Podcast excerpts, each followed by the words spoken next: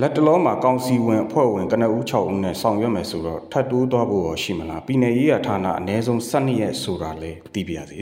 ကောင်စီရဲ့ပြည်သူလူထုအသက်အိုးအိမ်စီစဉ်ကိုကာဝယ်ဖို့စီမံများရှိရင်လည်းလူထုကိုအတိပေးနိုင်သလောက်အတိုင်းအတာလေးပြောပြပေးပါခင်ဗျာ ကျမတို့ကအခု6ဦးနဲ့ကနဦးဖွဲ့စည်းတာဖြစ်ပါတယ်ပေါ့နော်ဆိုတော့ဒီ6ဦးကနဦးဖွဲ့စည်းမှုနဲ့အတူတခြားတော့ကောင်စီဝင်တွေရေးရဌာနတီးတီးတွေကိုလည်းကျမတို့စပြီးတော့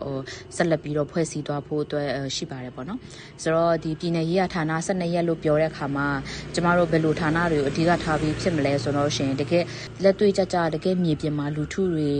အဲဒီတော်လိုင်းကာလာကြားကာလာမှာတကယ်လိုအပ်ဆုံးဖြစ်နေရဆိုတဲ့အကြောင်းအရာတွေကိုကျမတို့ကဟိုဖြည့်ရှင်းဆောင်ရွက်နိုင်ဖို့အတွက်ဌာနတွေကိုဖွဲ့စည်းသွားမှာဖြစ်တယ်ပေါ့နော်အဲဥမာပြောရရင်ရှေ့မှာကျွန်မပြောရတဲ့ပညာရေးကျန်းမာရေးနဲ့ဒီ humanitarian aid ကိစ္စလိုမျိုးတော့တေချာတဲ့ဒါတွေရှိလာမှာဖြစ်တယ်ပေါ့နော်။တပြိုင်နက်တည်းဒီလူခွင့်ရေးချိုးဖောက်မှုတွေကိုကျမတို့ကာကွယ်တားဆီးဖြေရှင်းနိုင်ဖို့ကိစ္စတွေတပြိုင်နက်တည်းဒီလူခွင့်ရေးချိုးဖောက်မှုနဲ့အတူဒီအမျိုးသမီးတွေပေါ်မှာလိမ်မိုင်းဆိုင်ရာ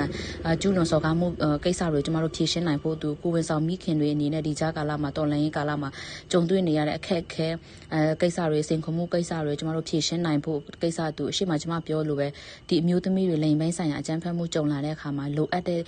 တရားမျှတမှုရရှိဖို့ဖြေရှင်းနိုင်တဲ့ရန်တရားဒီတရားဥပဒေစိုးမိုးရန်တရားတွေကိုကျမတို့ကဆောင်ရွက်မှာဖြစ်တဲ့အတွက်ကြောင့်မို့ဒီလိုရန်တရားတွေကတော့မဖြစ်မနေကျမတို့လှုပ်ဆောင်မှာဖြစ်တယ်ပေါ့နော်ဆိုတော့ဒီ12ရက်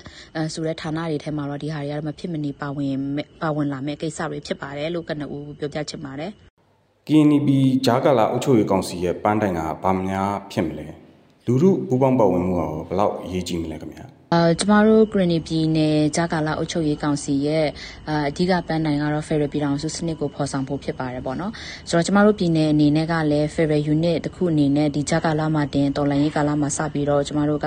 အာဒီကိုပိုင်ပြဋ္ဌာန်းခွင့်ကိုအပြည့်အဝကျမတို့အသုံးပြုပြီးတော့အုပ်ချုပ်ရေးရန်တရားကိုကျမတို့တည်ဆောက်မှာဖြစ်ပါဖြစ်ပါတယ်ပေါ့နော်ဆိုတော့ကျမတို့စီမှာအတိုင်ပင်ခံကောင်စီရှိတယ်အတိုင်ပင်ခံကောင်စီက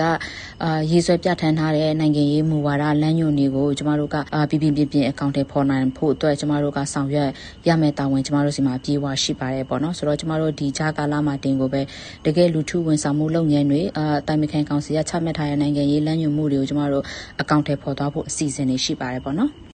ဟုတ်ကဲ့ဖြည့်ဆွတ်ပြောချင်တာများရှိရင်လည်းပြောပြပေးပါအာဟုတ်ကဲ့ပါနောက်ဆုံးအနေနဲ့ဖြည့်ဆွတ်ပြောချင်တာကတော့ကျမတို့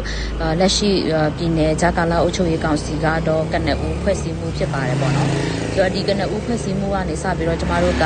အုပ်ချုပ်ရေးရန်တရားတွေကိုခရိုနီပြည်နယ်အတွင်းမှာကြည်ကြဲပြပြလှုပ်ဆောင်နိုင်ဖို့အတွက်အာကျမတို့ဟိုဆောင်ရွက်သွားမှာဖြစ်ပါတယ်ပေါ့နော်ဆိုတော့ဒီလိုဆောင်ရွက်တဲ့နေရာမှာလည်းလူထုတယောက်ချင်းစီရဲ့ပူးပေါင်းပါဝင်မှုနောက်ပြီးလို့ရှိရင်ကျမတို့ရေးရလုပ်ငန်းအသီးသီးတွေမှာဟိုဌာနအသီးသီးတွေကိုလှုပ်ဆောင်တဲ့အခါမှာ CDM ဝန်ထမ်းတွေရဲ့ကျွမ်းကျင်ပြီးအသက်မြောက်ပြီးသားဖြစ်တဲ့အင်အားတွေနဲ့ကျမတို့အများကြီးလိုအပ်တယ်။တပြိုင်နက်တည်းပြည်နယ်အတွင်းမှာရှိနေတဲ့ခန္ဓာတည်တည်မှာအာ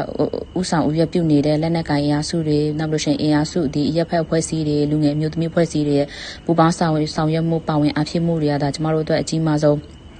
လိုအပ်ချက်တွေဖြစ်တယ်ဆိုတော့ဒီလိုလိုအပ်ချက်တွေကိုအားလုံးပူးပေါင်းပါဝင်ဖြည့်ဆည်းနိုင်မယ်ဆိုလို့ရှိရင်တော့အဲကျမတို့ဒီ Federal ပြည်တော်စုတိစောက်တဲ့စနစ်မှာအများကြီးအားကောင်းမှာလည်းဖြစ်တယ်အဲကျမတို့ဒီအုပ်ချုပ်ရေးတရားတွေကိုလည်းပြည်ပြင်းဆောင်ရွက်နိုင်မှာလည်းဖြစ်တယ်ပေါ့နော်ကြောင့်မို့အားလုံးရဲ့ပူးပေါင်းပါဝင်မှုကတော့အရေးကြီးတယ်ဒီလိုပူးပေါင်းပါဝင်မှုနဲ့သူကျမတို့ဒီစစ်အာဏာရှင်နဲ့အာဏာရှင်များကိုတော်လှန်ဖို့အတွက်အဲဆက်ပြီးသွားရမှာဖြစ်တယ်လို့တော့ကျမအနေနဲ့ယုံကြည်ထားတယ်ပေါ့နော်